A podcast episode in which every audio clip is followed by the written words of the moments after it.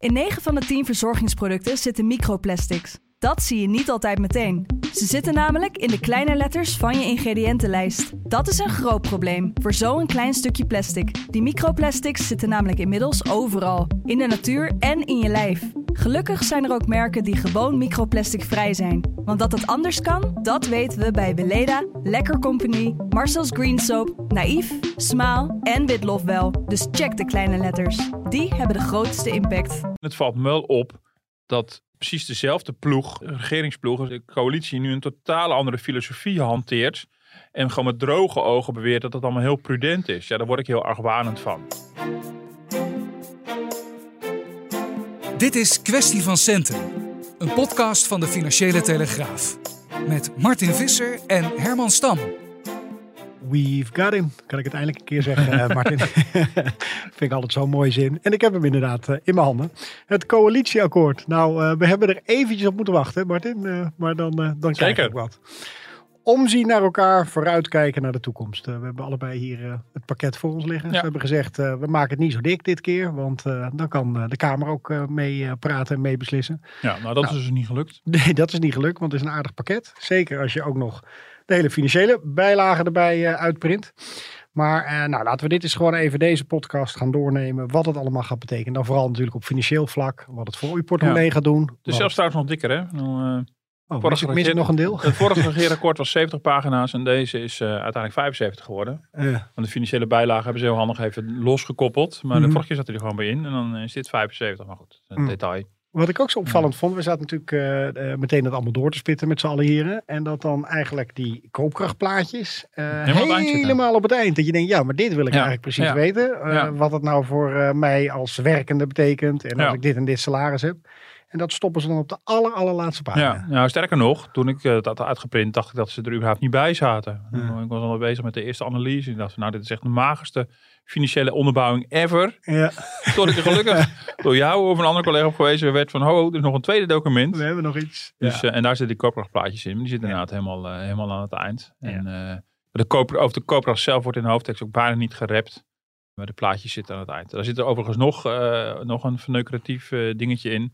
Eh, bij de, de, de doorrekening van het Centraal Planbureau, die er deze keer niet is, is het gebruikelijk om dan dat gemiddelde koopkrachtstijging per jaar neer te zetten. Mhm. Dus dan zie je bijvoorbeeld, nou, eh 1%. Dan weet je, oh, gemiddeld gaan we er per jaar 1% op vooruit. Maar omdat het in dit geval, in dit regeerakkoord, zo ontzettend mager is, hebben ze het voor het gemak maar opgeteld. Dus een cumulatieve koopkrachtstijging eh, zit, hier- zit hierin. Oh, serieus? Dat Ja, gewoon, zeker. ja. Dus je moet hier alle koopkrachtcijfers even door vier delen. En Ja. dan eh, zie je dat bijvoorbeeld de gepensioneerden gaat er dan 0,1% op vooruit. Ja. Maar dat is voor het eerst dat ze dat op die manier Nou ja, normaal gesproken doen ze dat per jaar. Dus Ah. ik heb dan even gecheckt van vorig jaar bij de doorrekening eh, van het planbureau. Doen. Ze een gemiddelde per jaar. Ze doen dan niet een berekening exact van dit is dit jaar, dit is dat jaar. Met Prinsjesdag doen ze dat wel, maar in die doorrekening eh zeggen nou gemiddeld in de komende regeerperiode is het zoveel procent per jaar. Nou, hier hebben ze het even voor het gemak opgeteld, zodat het nog een beetje wat lijkt. Want ja, Ja. dit is in ieder geval, daar gaan we het natuurlijk over hebben. Er wordt heel veel geld uitgetrokken, maar dat gaat vooral richting nieuwe uitgaven en niet zozeer naar lastenverlichting of iets Ja, dergelijks. nou precies. Dat is denk ik wel de kern. We gaan het één voor één doornemen. Eh, ik hoop dat iedereen daarin aan bod komt. eh, wat het allemaal voor iedereen betekent. Maar even gewoon eerst een beetje in algemene zin. Want je, Ja. je opent er al mee.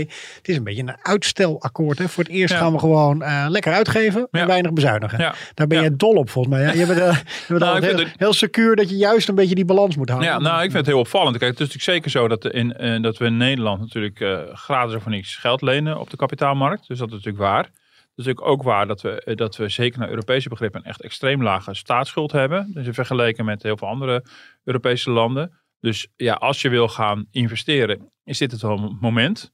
Maar dat heeft ook een politiek gevaar in zich. Namelijk, ja, eh, als ge- geld lenen geld kost, dat zal iedereen begrijpen, ook gewoon vanuit je eigen huishouden.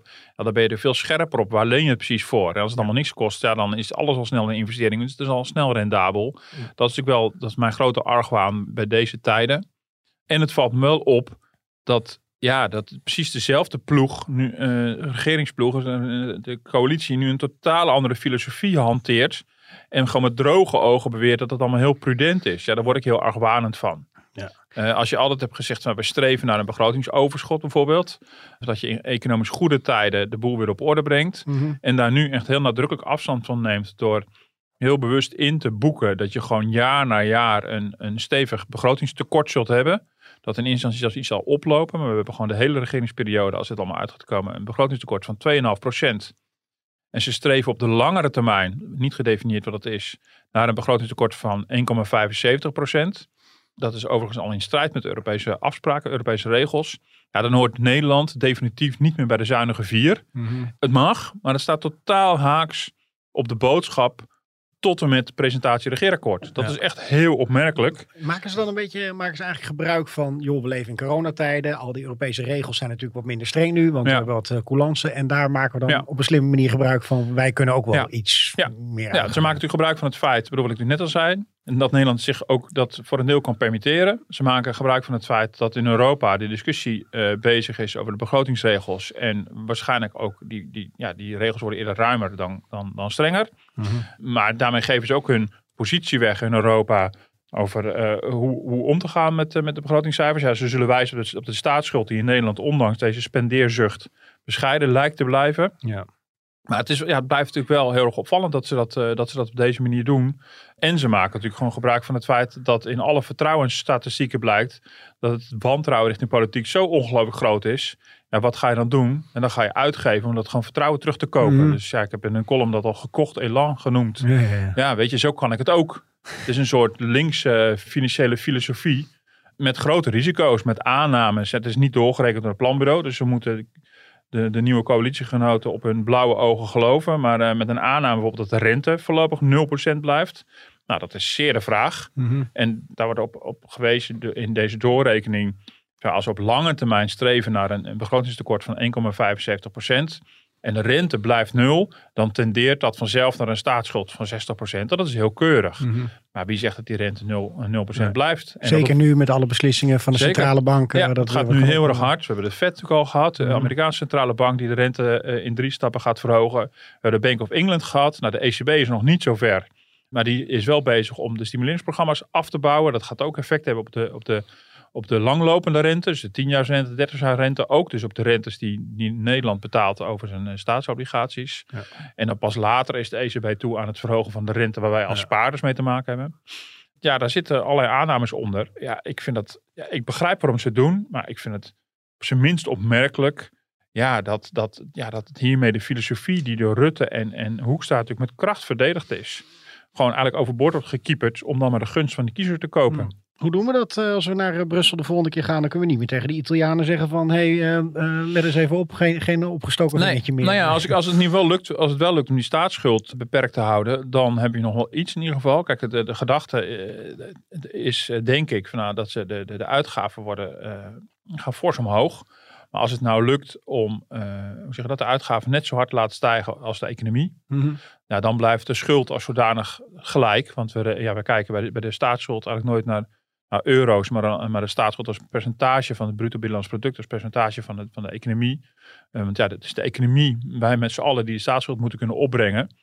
Dus ja, als, als, het, als dat allemaal uit gaat komen, als het waar is, eh, eh, ja, dat we niet harder spenderen en dat de economie groeit, ja, dan, zou je, dan zou je qua staatsschuld nog binnen de perken kunnen blijven. En dan kan je ook misschien wel verdedigen dat, dit, dat we dit kunnen leiden, dat we dit kunnen hebben, Mhm. eh, ja, op voorwaarde wel dat, dat het geld wel naar de juiste dingen gaat. Ja. En dat er ook niet allerlei tegenvallers onderweg eh, gaan komen. Want ja, de economie moet ook wel blijven groeien in de komende Precies. jaren. Ja, ja, ja, ja. Hey, en eh, je zegt dan van nou goed, we stellen een hoop uit en het is vooral uitgeven. Maar ondertussen is de, staat de zorg op zijn achterste benen Ja. van alle bezuinigingen die daar... ja, Rutte noemt het overigens geen bezuiniging, Nee. dat is een beperking omdat het zo hard groeit, hè, Ja. die zorguitgaven. Nou ja, er is nu een enorme semantische discussie op gang, ook op de social media, over het feit dat, dat je het geen bezuiniging mag noemen. Toch nog even over die zogeheten bezuinigingen in de zorg. Ja. Want het is niet zo dat als je dat heel vaak zegt en als je dat heel hard roept, dat het dan ook onmiddellijk waar is. De komende periode gaat er volgens het basispad, hè, dus de, zeg maar, de autonome groei die er zou zijn, 5,5 miljard extra naar de zorg. Dit kabinet doet daar 3,5 miljard bij. Dus 9 miljard extra gaat er naar de zorg in de komende periode. Ik zou zeggen, tot zover de bezuinigingen in de zorg. Wat deze coalitie doet, is heel straf allemaal minnen zetten bij de zorg. En vervolgens het afschuiven op het bord van het personeel. Want dat is wat er gaat gebeuren. Dat voorspel ik u, meneer Segers. Segers. Dan nog een keer, dat is niet waar. En ik denk dat we met veel meer precisie moeten praten hoe gaan wij om met de zorg. Maar wat ik echt heel lastig vind, is om dan iedere keer te horen... er wordt bezuinigd, er wordt bezuinigd, terwijl er 9 miljard de komende periode extra naar de zorg gaat. De gedachte is, het is, het is minder meer. Mhm. Er staat voor de lange termijn ingeboekt dat van de zorg 4,5 miljard afgaat. Ja, in, de, in de Haagse systematiek heet dat gewoon een bezuiniging. Want er wordt, in, in die begroting wordt altijd aan de hand van de prijs- en loonstijgingen wordt ook al, al, altijd geraamd wat, wat de verschillende kostenposten gaan doen. Op onderwijs, sociale zekerheid, ook de gezondheidszorg. Dus er zit dus al een groeipad in, zeg maar. Mhm. En ze werken altijd met zo'n met zo'n automatisch groeipad. En eh, ja, daar doen ze iets bovenop of ze halen er iets vanaf. En in dit geval gaan ze voor de komende paar jaar eh, gaan ze, eh, gaan, willen, willen het nieuwe kabinet de zorgkosten eigenlijk gaan verhogen. Dus ze willen meer gaan uitgeven. Dat heeft onder andere te maken met het, ja, hoe noemen ze het nou, het pandemie klaarmaken van, van Nederland. Dus dat ze de Mhm. volgende pandemie wel aan kunnen, zeg maar. Ehm, en dan willen ze op langere termijn willen ze dan 4 miljard gaan bezuinigen. Ja goed, dan kan je zeggen dat is geen bezuinigen, want uiteindelijk blijven de zorgkosten stijgen. Dat, is, dat klopt inderdaad ook. Maar het gaat in dit geval natuurlijk vooral om dat je, dat je de zorgkosten als onderdeel van de totale begroting, dat je dat op een gegeven moment weet in te perken.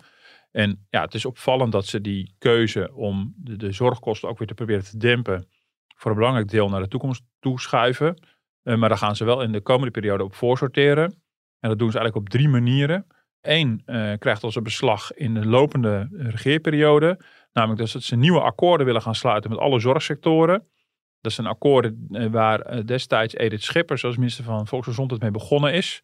Dat is voor een aantal jaar redelijk succesvol geweest. Maar dat is een vrij lompe manier om die zorgkosten te dempen. Dat is namelijk een soort pro- productieplafonds af te spreken met, eh, met, eh, met de verschillende zorgsectoren.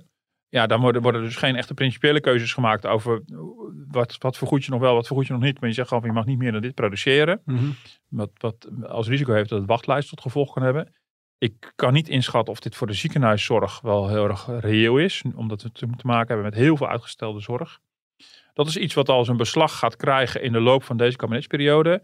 En er staan er nog twee grotere posten voor, voor de verdere toekomst. Eén daarvan heeft te maken met, ehm, en met de effectiviteit van, van zorguitgaven. Ze gaan al- allerlei effectiviteitsonderzoeken doen. Hmm. Ja, ik lees dat als dat betekent, ze gaan gewoon tegen het licht houden of elke zorg die we nu nog vergoeden in het basispakket nog vergoed moet blijven. Of we dat nog elke euro waard vinden. En eh, er wordt voorgezitten op het scheiden van wonen en zorg. Mhm. En dat klinkt allemaal weinig sexy en heel ongevaarlijk. Maar eh, dat, kan, dat kan een grote impact hebben. Want dat, geldt, dat gaat op bijvoorbeeld voor de verpleeghuizen, waar je natuurlijk woont en verzorgd wordt. En eh, waar de eigen bijdragers voor het woongedeelte natuurlijk in de loop van de jaren al fors zijn toegenomen. Zeker voor mensen met, eh, met vermogen. Ja, en als je dat uit elkaar gaat halen, zou dat betekenen dat je alleen maar het zorgvergoed krijgt. En dat je het woongedeelte helemaal zelf moet betalen. Dat wordt verder niet concreet gemaakt. Maar dat wordt dus ook voor, op voorgesorteerd in deze kabinetsperiode. Ja. Ja, en de, en de linkse oppositie, of voor mij zelfs niet alleen de linkse, maar in ieder geval de oppositie is hier ook boos over. Omdat het kabinet ja, die bezuinigingen nog niet echt deze periode invoert. Maar al wel vast inboekt, dus daar wel op voorsorteert. Ja. En eh, ja, maar goed, ja, dus we moeten natuurlijk Maar- iets, maar- maar iets de- de- aangrijpen ook om oppositie te voeren. Maar- De oudere Nederlander, als ik het zo een beetje zo optel, dan heb je dit verhaal hè, van de mensen die in de verzorghuizen zitten. De AOW die niet omhoog gaat, hoewel andere uitkeringen wel omhoog gaan. Ja. En gepensioneerden eh, überhaupt in die koopkrachtplaatjes die we dan zien, eh, eigenlijk ook het minst vooruit gaan. Ja, ja. Het is niet echt een lekker akkoord voor eh, als je een beetje beleefd bent. eh. Nee, dat is wel opvallend. Dat ehm, inderdaad in de, in de koopkrachtdoorrekening zie je een groot verschil. Dat, eh, dat de werkenden en uitkeringsgerechtigden, die gaan er over vier jaar dik 2% op vooruit. Nou, gedeeld door vier hou je een half procent per jaar over. Dus dat is ook niet heel veel. Mhm. En de gepensioneerden heb je maar 0,4. En gedeeld door 4 is dat 0,1. De Mhm. gepensioneerden gaan er eigenlijk niet echt vooruit Nee. eh, in de komende periode. En dat is nog gerekend met de oude inflatiecijfers. Want de nieuwe ramingen, het Centraal Planbureau eh, heeft geen nieuwe ramingen uitgegeven in december. Maar al wel door laten schemeren dat de inflatie hoger is dan we tot nog toe dachten. Wordt het Eh, nog slechter eigenlijk. ja, Dus, het wordt, eh, het wordt dus eh, de grote kans dat het in ieder geval voor het komend jaar slechter wordt. De Europese Centrale Bank heeft, eh, heeft ook donderdagmiddag eh, nieuwe ramingen over de inflatie naar buiten gebracht. En eh, kondigt aan dat die hoge inflatie niet alleen dit jaar plaatsvindt, maar ook volgend jaar. In Europa verwachten ze een inflatie van meer dan 3%. Wat dat voor Nederland betekent, eh, dat weten we nog niet. We weten wel dat Nederland nu in ieder geval boven de Europese cijfers zit. Eh, en dat het Centraal Planbureau tot nu toe rekenen op een inflatie onder de 2%. Dus als het boven de 3 uitkomt, is het een forse hap uit die koopkracht. En eh, ja, in het regeerakkoord is afgesproken dat bij inflatietegenvallers ja, er een nieuw moment komt om naar die koopkracht te gaan kijken. Nou, dat moment eh, is, is er al bijna. Mhm. Dat is eigenlijk nu al. Dus, Moeten ze al dus- gaan repareren en zo. Ja, dus dat, is- dat, is wel, dat is wel een riskant deel van dit, van dit akkoord. Door alles op de, alle ballen op de uitgaven te zetten. En relatief weinig op koopkracht, koopkrachtbehoud. Bedoel, ja, er komt een lastenverlichting aan voor 3 miljard voor werkenden. Mhm. Dus niet voor gepensioneerden, voor werkenden. Ja, en dat lijkt dan heel wat. Maar dat is vergeleken met wat eh, met bijvoorbeeld in het vorige kabinet werd toegezegd. Veel minder. Mhm. Dus dat was eh, echt een factor hoger. Dus in die zin is het, is het echt een hele duidelijke keuze. Dus natuurlijk ook wel, eh, het is ook wel goed om te zeggen natuurlijk dat rondom klimaat en stikstof, de bouwopgaven zijn natuurlijk ook serieuze onderwerpen om, om geld in te steken. Dus het Mhm. is niet zo dat elke, elke ambitie om geld uit te geven per definitie slecht is. Er zijn ook gewoon serieus doelen waar geld naartoe zal moeten. Ik bedoel, dat is het halen van de klimaatdoelen en het oplossen van de stikstofproblematiek is gewoon niet gratis. Dus dat is ook wel reëel. Want, dus dat, daar- dat geldt want daar zitten vooral bedragen in dan om bijvoorbeeld boeren te helpen en eh, ja. de, de, de, de- Ja. de ondernemers. Ja. Ja. en dat gaat dan echt om heel groot geld. In totaal voor, voor klimaat en stikstof om 60 miljard. Over een langere periode dan alleen maar overigens ehm, de komende kabinetsperiode. heb je het over een periode van, van 10, 15 jaar. En dat moet dan via fondsen gaan, maar dat is allemaal eenmalig geld. En dan de vraag is een beetje hoe ze dat boekhoudkundig allemaal weg, wegwerken overigens. Mhm. Maar ja, dat dat geld gaat kosten is evident. En dan kan je ook zeggen, ja, het is maar goed dat we dan nu zo goedkoop lenen of, of voor, voor niks lenen. Nu kunnen we ons dat ook permitteren. Alleen Mhm. wat je natuurlijk ziet, ja, in de discussie wordt het heel snel semantisch, want dan wordt alles een investering genoemd. En eh, ik ben er heel erg voor dat we klimaatdoelen gaan halen. Ik denk dat, het, eh, eh, dat we daar, bedoel, dat we ook niet anders kunnen en dat, we daar, dat het maatschappelijk heel belangrijk is. Maar dat is nog niet gezegd dat eh, eh, geld naar klimaat daar, daarmee automatisch een investering is. Want een investering is iets wat zich terugbetaalt en ren- Mhm. rendement heeft. En dit zou je kunnen zeggen, dat heeft maatschappelijk rendement. Of het voorkomt een maatschappelijke ramp. Zo kan je Ja. het ook zien. Maar daarmee wordt het niet automatisch een investering. Maar je ziet heel makkelijk wordt het woordje investering opgeplakt.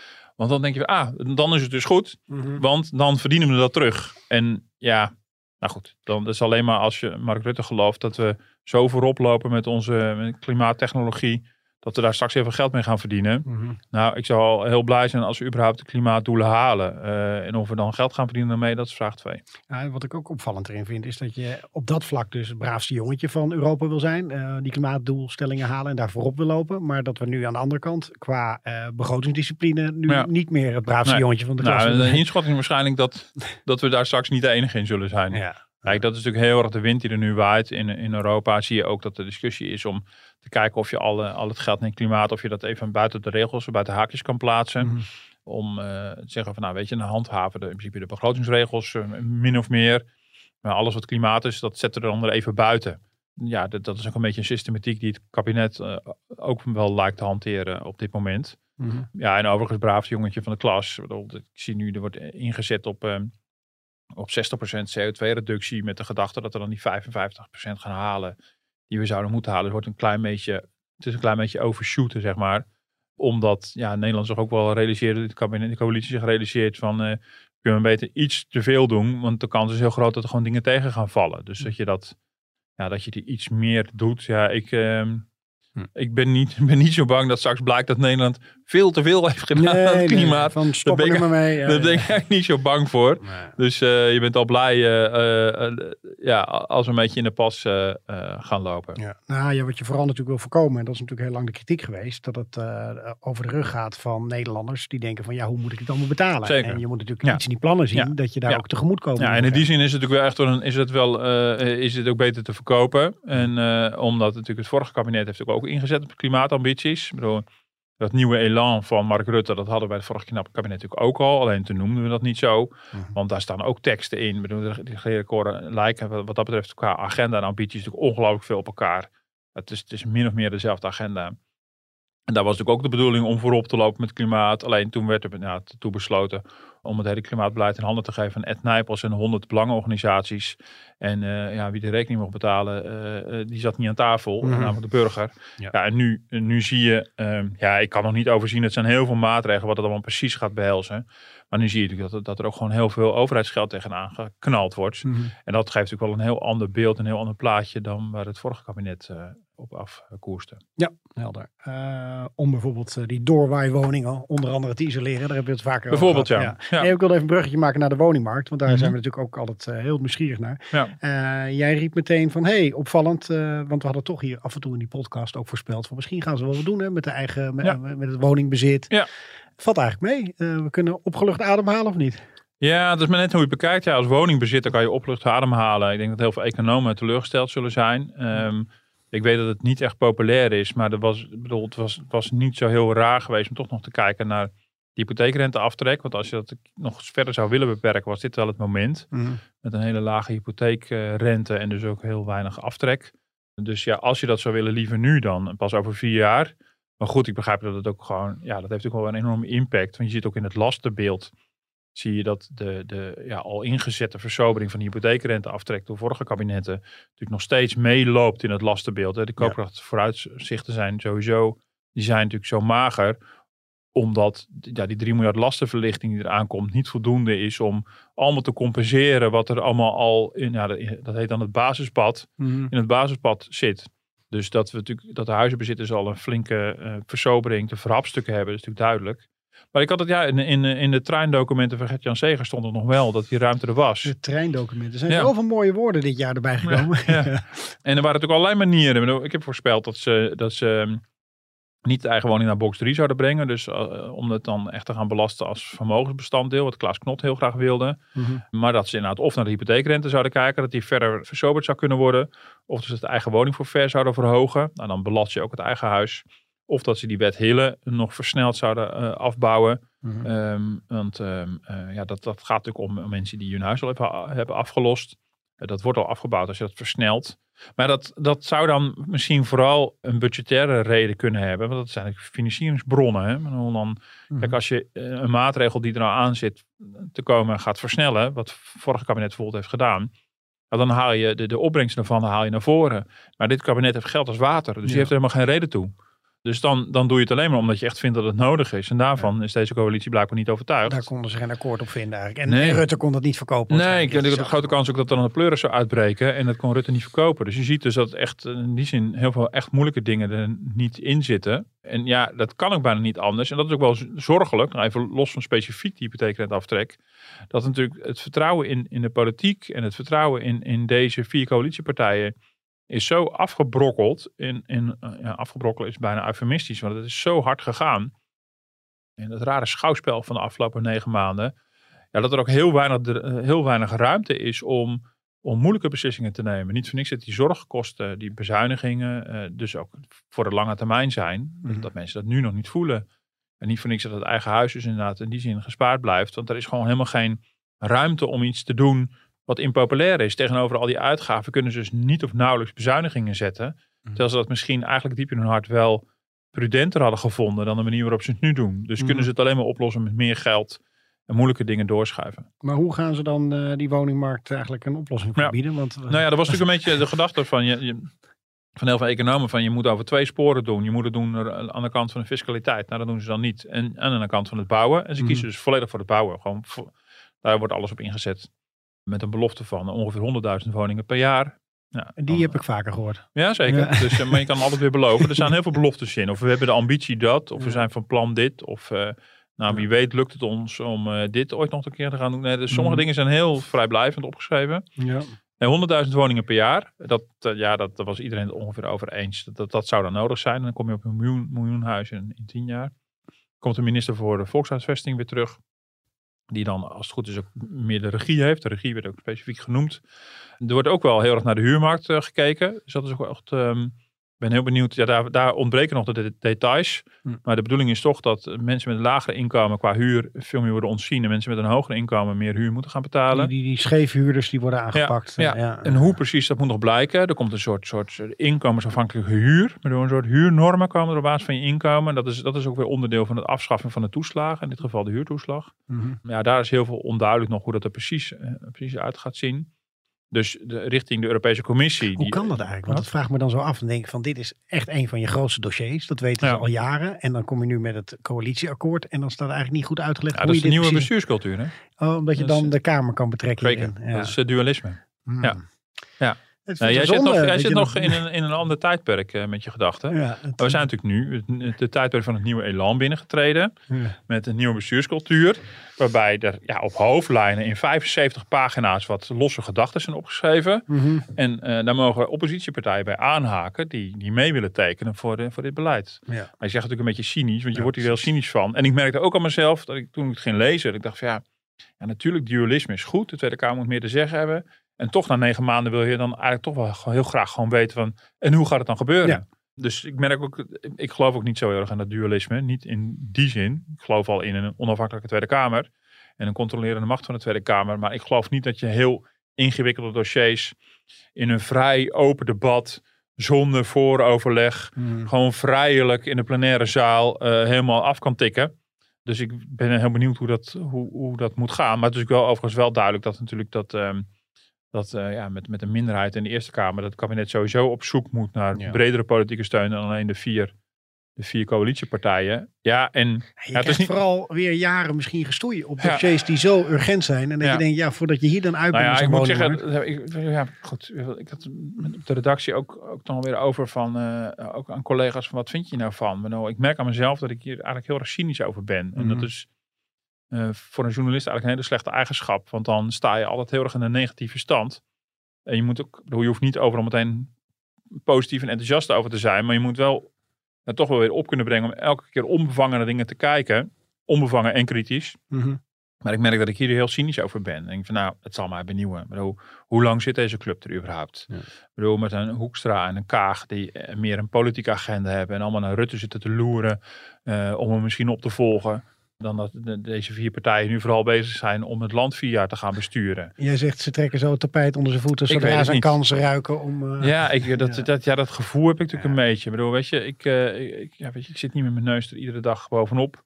Maar ja, ik denk toch wel, ja, het is, die ontstaansgeschiedenis hiervan is natuurlijk niet voor niks zo moeizaam geweest. Er is natuurlijk heel veel gebeurd. Ja, dat is zo gezegd volgens Kaag allemaal uitgepraat. Maar ik merk gewoon dat ik er gewoon niet zoveel fiducie in heb. Ik heb mijn column teruggelezen die ik vier jaar geleden schreef bij de presentatie van het regeerakkoord toen. En ja, die was op zich ook gewoon met kritische kanttekeningen. Maar toen schreef ik ook wel iets op van, nou, we moeten ook gewoon wel het voordeel van de twijfel geven. Nou, dat heb ik deze keer niet opgeschreven. Sowieso, het is, het is dezelfde club. Dus je hebt ook al, je kan ze ook al beoordelen op de merites van de afgelopen vier jaar. En er is natuurlijk heel veel gebeurd. Dat ik denk van, nou, ik weet het niet. Moet dit Mhm. nou, moet dit nou, het, het afschaffen van de toeslagen bijvoorbeeld. Wat hier wordt gezegd, dat het is onze ambitie om de toeslagen af te schaffen. Maar dat is echt een hele ingewikkelde eh, operatie, alleen al technisch. Het Mhm. gaat heel veel geld kosten. Dat raakt de koopkracht van, nou, van, eh, van meer dan de helft van de Nederlandse huishoudens. Dus dat is niet eenvoudig. Ik, ik merk aan mezelf dat ik er niets van geloof dat dat Mhm. echt gaat gebeuren. Maar goed. ehm, Ze hebben het een beetje kunstmatig gedaan. En ze dachten van in ieder geval, nou ja, we zijn dan gevallen over die kinderopvangtoeslag. Laten we die Ja. dan een soort van eh, gratis gaan maken voor eh, Ja. eh, werkenden. Ja, zeker. Nou, er was Dan wel, overigens was daar wel reden voor. Hoor. Ook, ook los van het hele schandaal waren er al meerdere evaluatierapporten over dat de toeslagen niet werkten zoals ze zouden moeten werken. Nog even los van dat de fraudebestrijding misschien iets te enthousiast is opgepakt en daardoor de duizenden gezinnen eh, extreem gemangeld zijn en eh, enorm in de financiële penarie kwamen. Eh, ook los daarvan was toch al, ja, bleek er gewoon uit allerlei ambtelijke evaluaties, dit werkt gewoon niet. Met de, de, de toeslagen zoals die nu gemaakt zijn, die zorgen bij, zeker met mensen met lagere inkomens voor veel te veel onzekerheid. Omdat die, die, die toeslagen, die, die zijn zo precies, die hangen zo precies af van wat je aan huur of aan kinderopvang hebt in die specifieke maand, gecombineerd met het aantal uren dat je die maand werkt, gecombineerd met het inkomen dat je in die maand hebt. Ja, als je dat allemaal niet goed opgeeft, dan krijg je dus allerlei afrekeningen aan het eind. En sowieso, als je wel naar eer en geweten het allemaal netjes doet, dan nog is het een heel ingewikkeld systeem. Wat, wat, ja, wat, waarbij die toeslag helemaal meebeweegt met jouw situatie. Dat, is, dat, dat, dat, dat werkt gewoon niet. Dus je moet Mhm. eigenlijk naar een soort grofmaziger systeem. Waar je zegt, nou, zoals vroeger de huursubsidie. Nou, eh, bij dat inkomen, die huur, hups, is die huursubsidie.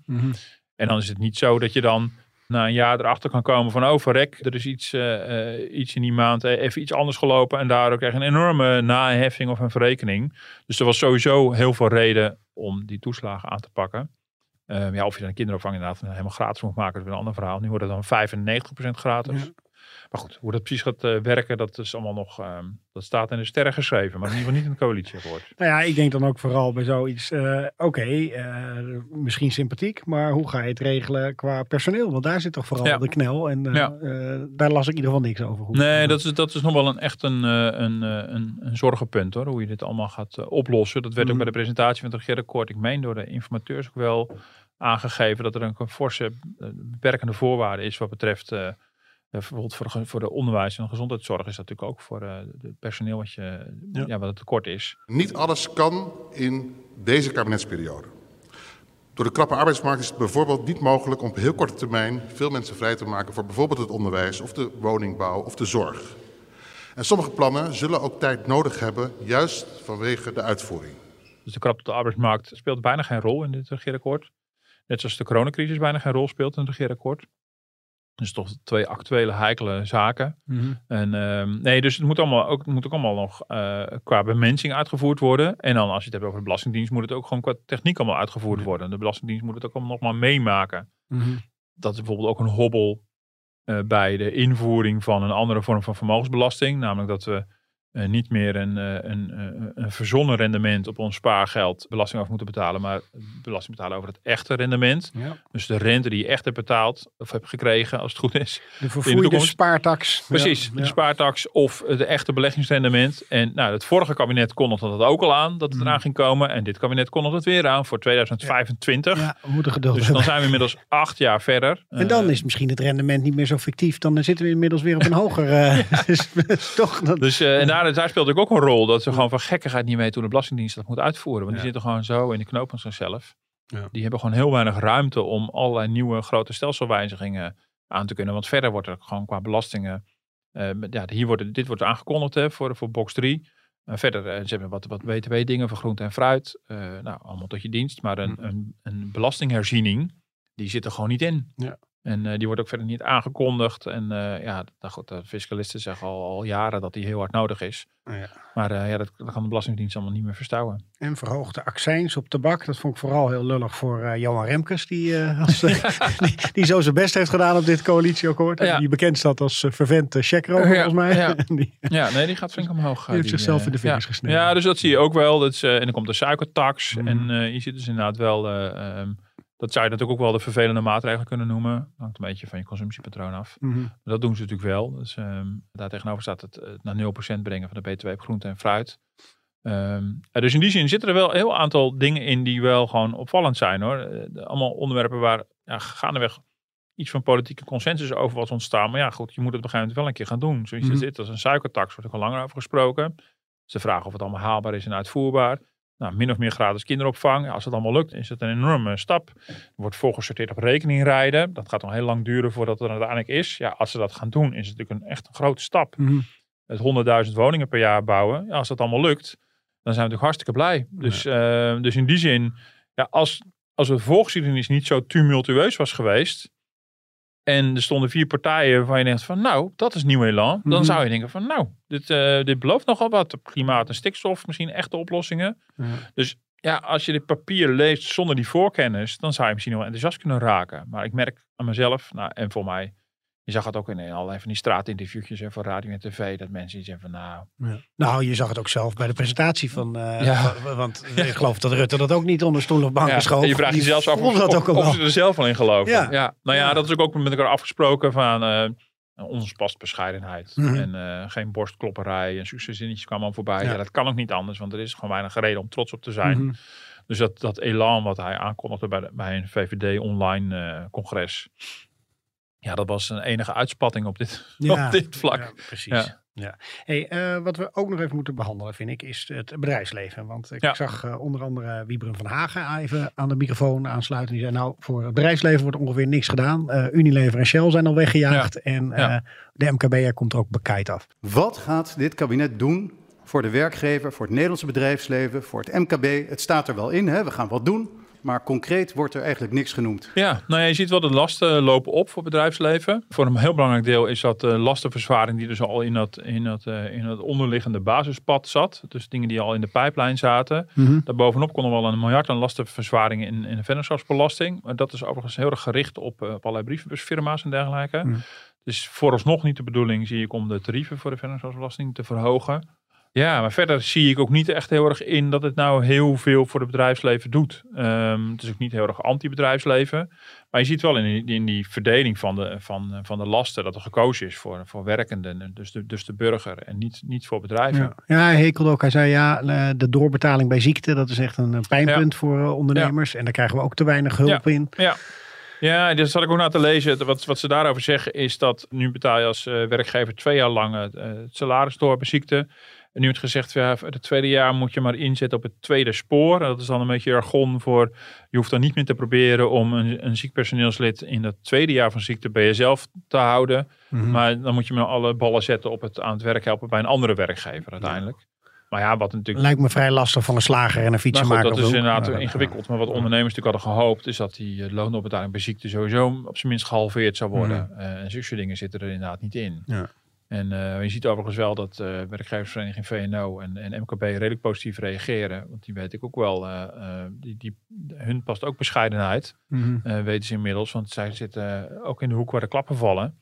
Dus ja, zij zijn rela- relatief positief en optimistisch.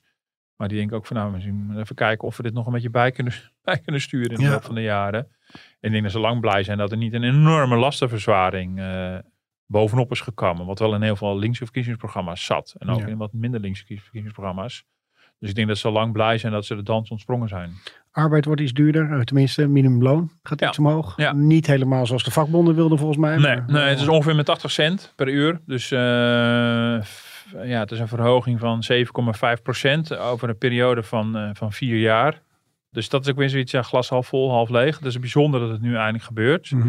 In de zin van, dat is ook zo'n onderwerp waar, dus, eh, waar je dus zag dat daar politieke consensus over begon te ontstaan. Op een gegeven moment vond iedereen dat het minimumloon omhoog moest. En tot aan de VVD aan toe. Zelfs de werkgeversorganisatie VNO vond dat op een gegeven moment. En ja, dan zie je, ja, weet je, dan, dan wil de vakbond wil van 10 euro naar 14 euro. Nu gaat het van eh, pak een beetje van 10 naar, naar, naar 11 ongeveer. De bedragen zijn niet exact, maar een beetje die orde van grootte. Ja, dus hier kunnen de werkgevers wel mee leven. Want dit hebben ze zelf ook al voorgesteld. En dat Mhm. zie je dus wel, dat is wel echt opvallend. Dat op dit terrein, op, op, op sociaal-economisch terrein, op het terrein van de, rol van de overheid, zie ik dat er een enorme verschuiving is van de politiek echt een beetje naar links weer terug. Waarbij een, grotere rol voor de overheid eh, voorzien wordt. Waarbij ook ehm, de sociale-economische agenda natuurlijk echt aan het veranderen is. Waarbij nu ongeveer iedereen vindt dat de flexibilisering van de arbeidsmarkt is doorgeslagen. Ik hoorde dat uh, Wopke Hoekstra deze week ook nog letterlijk zo zeggen. De werkgeversorganisatie heeft het ook al gezegd. Je ziet een bescherming van de flexwerkers. Je ziet een bescherming van de mensen aan, uh, aan de onderkant van het loongebouw. Dus minimumloon omhoog. En dat is, dat is ja, in best wel betrekkelijk korte tijd politieke consensus geworden. En dat, dat zie je wel terug in zo'n akkoord. En die uh, zelfstandige aftrekken, want Ja. uh, die gaat echt fors naar beneden. Ja, die gaat fors naar beneden. Ik begrijp uit de stukken dat ZZP'ers dan gecompenseerd zouden moeten worden via een hogere arbeidskorting. Ik moet nog maar zien of dat nou echt één op één of klopt. Arbeidskorting is een soort korting die op je belasting krijgt voor alle werkenden. Maar uh, ja, de, de zelfstandige aftrek is nu uh, pak een beetje 6.500 euro. En die gaat terug naar 1200 euro in stappen. Mm. Dus dat is fors. Dat is in lijn met, uh, daar heb je hem weer, met de commissie Borstlab. Ja. Die is al honderdduizend keer niet voorbij gekomen. Ik hoopte al dat we daar naartoe zouden gaan praten. dus dat is een, het is een advies geweest over de inrichting van de arbeidsmarkt. Zeer invloedrijk in de zin dat het in alle verkiezingsprogramma's terecht kwam. En een van de voorstellen van die commissie was, schaf die zelfstandig aftrek helemaal af. Met als filosofie, ah, dan heb je geen oneerlijke concurrentie meer tussen ZZP'ers en werknemers. Want je behandelt ze fiscaal gezien gelijk. Mhm. Mm -hmm. En de gedachte is ook van dan kan je ook het kaf van het koren scheiden binnen de ZZP'ers. Dan zul je zien dat de, de ZZP'ers die echt ondernemer zijn, die gaan dan door. En degenen die eigenlijk als schijnzelfstandigen waren, die daar zaten vanwege de zelfstandige aftrek. Of omdat hun opdrachtgever slash werkgever die zelfstandige aftrek min of meer kon inpikken door mensen veel te lage tarieven te betalen. Mhm. Mm -hmm. ja, als je die zelfstandige aftrek uh, afschaft of in dit geval flink terugschroeft, ja, dan, dan tenminste, dat is de hoop, dat dan de, de, de ZZP'ers aan de onderkant van de arbeidsmarkt, die eigenlijk niet echt ondernemers zijn, dat die dan ja, gewoon weer uh, werknemer worden. Ja. Dat is de gedachte. En ja. dat gaat meteen in. Dit is geen, geen uitgestelde maatregel. Dit krijgen we gewoon nee, dat gaat wel in stappen. Ja. Dus, maar dit is wel vrij concreet. Dit is met Mhm. bedragen en alles. En uh, dus aan het eind van de rit moet het 1200 euro zijn. Er staat precies bij uh, met hoeveel 100 euro per, per maand, per, per jaar het omlaag gaat. Dus het is vrij concreet. Het is ook in lijn met wat het, het vorige of het huidige demissionaire kabinet heeft gedaan. Die is ook al begonnen met het afbouwen van die zelfstandige aftrek. Ja. Tja, al met al. Nou ja, je zei, je gaf wel een beetje een voorstel op. Die staat niet te springen. Je denkt, nou. Ja, uh, ja nee, ik merk dat gewoon. Maar dat is meer, het, meer een soort algemeen gevoel. En um, ja, weet je, het is heel goed dat het er eindelijk is. Nou, de, de aanloop heeft natuurlijk heel lang geduurd. Uh, het heeft heel lang geduurd voordat men inhoudelijk begon te onderhandelen. En de inhoudelijke onderhandelingen zijn uiteindelijk relatief snel gegaan. Ja, dat mocht ook wel na al die uh, verspeelde maanden. Dus het is heel goed dat dit er is. Maar ik ben heel benieuwd hoe we hier over een jaar op terugkijken. Mhm. Of over twee jaar. Wat hier, wat hier nou allemaal van terecht komt. Ja. en wat de impact van, ik bedoel, de, de coronacrisis heeft ook geen goede invloed op het vertrouwen in de politiek.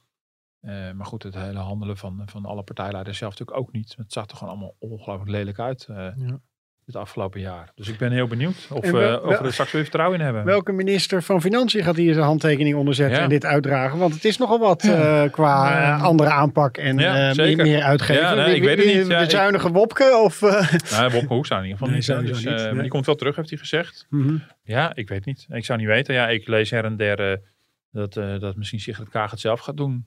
Ja, ze hebben natuurlijk staatssecretaris uh, Veilbrief op Financiën is D66. Dus ze hebben gewoon iemand die van staatssecretaris zo minister kan worden. Mhm.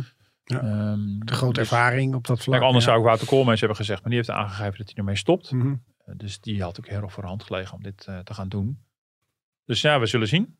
Ja, dus die zal ook degene moeten zijn die de tegenvallers gaat opvangen. Want ik kan me, ja, ik kan me niet voorstellen dat dit niet een basis is voor heel veel financiële tegenvallers. Precies, Het moet ja. haast wel. Want ze hebben ook de, de zalmnorm weer geherintroduceerd. Die was op een gegeven moment eh, afgeschaft, min of meer, tijdens de coronacrisis. En dat betekent ook dat er gewoon weer een duidelijke afbakening is tussen de inkomsten voor de overheid en de uitgaven van de overheid. En als je tegenvallers hebt bij een van beide, moet je dat daar zelf oplossen. Dus als de uitgaven op een manier uit de klauwen lopen, moet je daar gaan bezuinigen. Als de inkomsten uh, tegenvallen, moet er, uh, moet er ingegrepen worden. Uh, dus ja, als ze hier ja, als ze uit hun eigen financiële raamwerk lopen, omdat uh, de aannames wat ent te enthousiast waren, ja, dan zal er ingegrepen moeten gaan Ja. worden. Maar dan moet het dus ook wel echt een zwaargewicht zijn die op het ministerie van Financiën zit en Ja. dit dan aandurft. Ja. Ja. Of juist een soort minister van feest van we blijven lekker uitgeven. Nou, nee, dat ik niet. Ja, dat is, ja, ik weet het niet. Nee, traditioneel is dat natuurlijk niet zo. Traditioneel is dat natuurlijk degene. Daarom, daarom is deze post ook altijd de tweede in lijn. De, de grootste partij krijgt het premierschap en de tweede partij minister van Financiën. Dat is eigenlijk gewoon, dat is geen regel, maar dat is gewoon gebruik. Omdat je als minister van Financiën heel invloedrijk bent. Omdat je met alle andere ministers om tafel moet om over de budgetten te onderhandelen.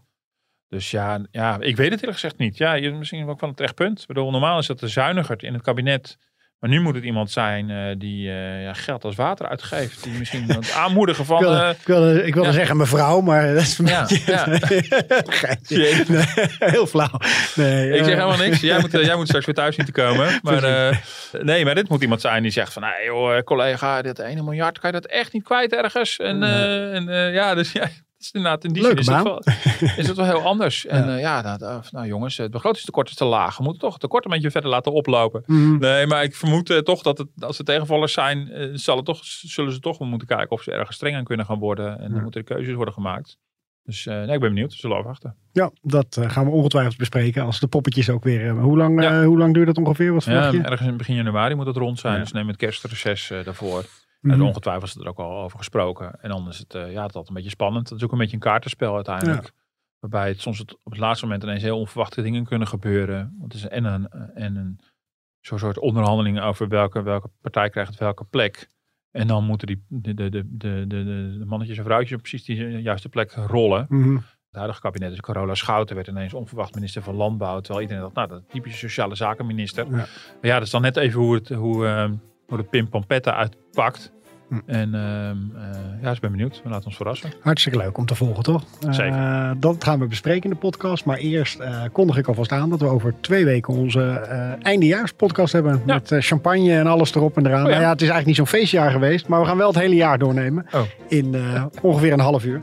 Maar daarom wilde ik mensen vragen. Dat vraag ik altijd aan het eind van de podcast. Maar nu dan speciaal. Als u daar vragen voor heeft, stuur het naar podcast.dft.nl. Ja, stuur wat is, thema's in. ja. Wat zijn nou mooie thema's om het eind van het jaar uh, te bespreken? Ja, we hebben zelf al onze eigen ideeën erbij. Maar het is altijd leuk om uh, de Ja. luisteraar erbij uh, te betrekken. En u kunt ons terugluisteren op alle podcast apps. En dan zijn we de volgende week weer. ja tot volgende week.